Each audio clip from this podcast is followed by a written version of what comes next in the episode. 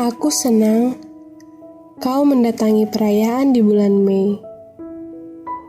Aku senang meski bukan raga, bukan kata, bukan juga nyawa yang hadir dari dirimu. Kau pun tahu jika ingatan masih sangat setia mengabadikanmu dalam kepala. Tak apa jika kau lupa. Aku ingat Waktu itu tanggal 20 dan puncak-puncak amarah meluruh. Sedang doa-doaku terbangkan, lepas landas di sepasang telapak tangan tanpa pengaminanmu. Kebahagiaanku masih memiliki sayap sendiri yang cukup kukuh untuk sampai pada kayangan di atas langit sana. Mengepakkan pelbagai kebaikan, bersahabat dengan angin yang legawa.